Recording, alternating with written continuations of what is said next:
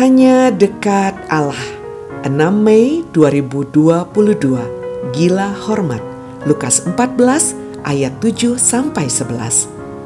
Kalau seorang mengundang engkau ke pesta perkawinan, janganlah duduk di tempat kehormatan.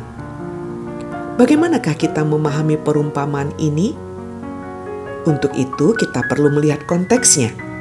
Pada waktu itu, Yesus melihat bagaimana para undangan memilih tempat-tempat kehormatan. Manusia memang makhluk pemilih. Dia diberi kemampuan untuk memilih, dan manusia cenderung memilih apa yang paling baik, enak, dan menguntungkan baginya. Itulah yang disaksikan Yesus.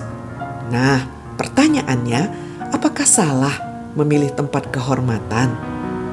Memang tak salah. Namun, ini alasan Yesus. Ketimbang malu karena ada undangan yang lebih terhormat, mending tak perlu duduk di situ. Yesus menganjurkan para muridnya mengambil tempat di belakang. Hanya dengan cara itu, mereka tidak akan dipermalukan. Jika tempat kehormatan disediakan bagi mereka, mereka akan mendapatkannya kelak. Pada titik ini, Yesus mengajarkan bahwa setiap muridnya seharusnya bersikap low profile. Mereka harus tahu diri. Tahu diri berarti tidak menilai diri lebih tinggi atau lebih rendah. Dan tahu diri berkait dengan kepercayaan diri. Orang yang mengetahui siapa dirinya tidak berpikir lebih tinggi atau lebih rendah mengenai dirinya.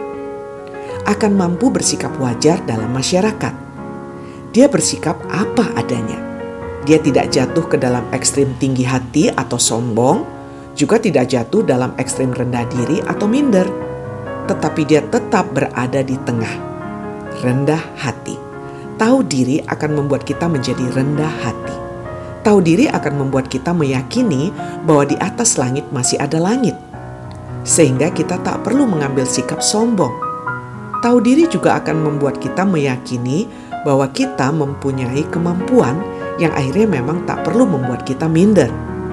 Dan orang yang memiliki kepercayaan diri memang tidak merasa perlu mencari-cari kehormatan. Dia tidak gila hormat. Yesus menasihati para muridnya agar tidak mencari-cari kehormatan. Dalam pemahaman Yesus, kedudukan terhormat dalam masyarakat bukanlah sebab, melainkan akibat. Para murid tak perlu ngoyo agar orang lain menghormati mereka.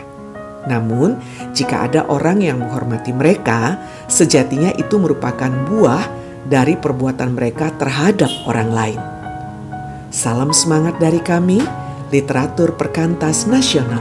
Sahabat Anda bertumbuh.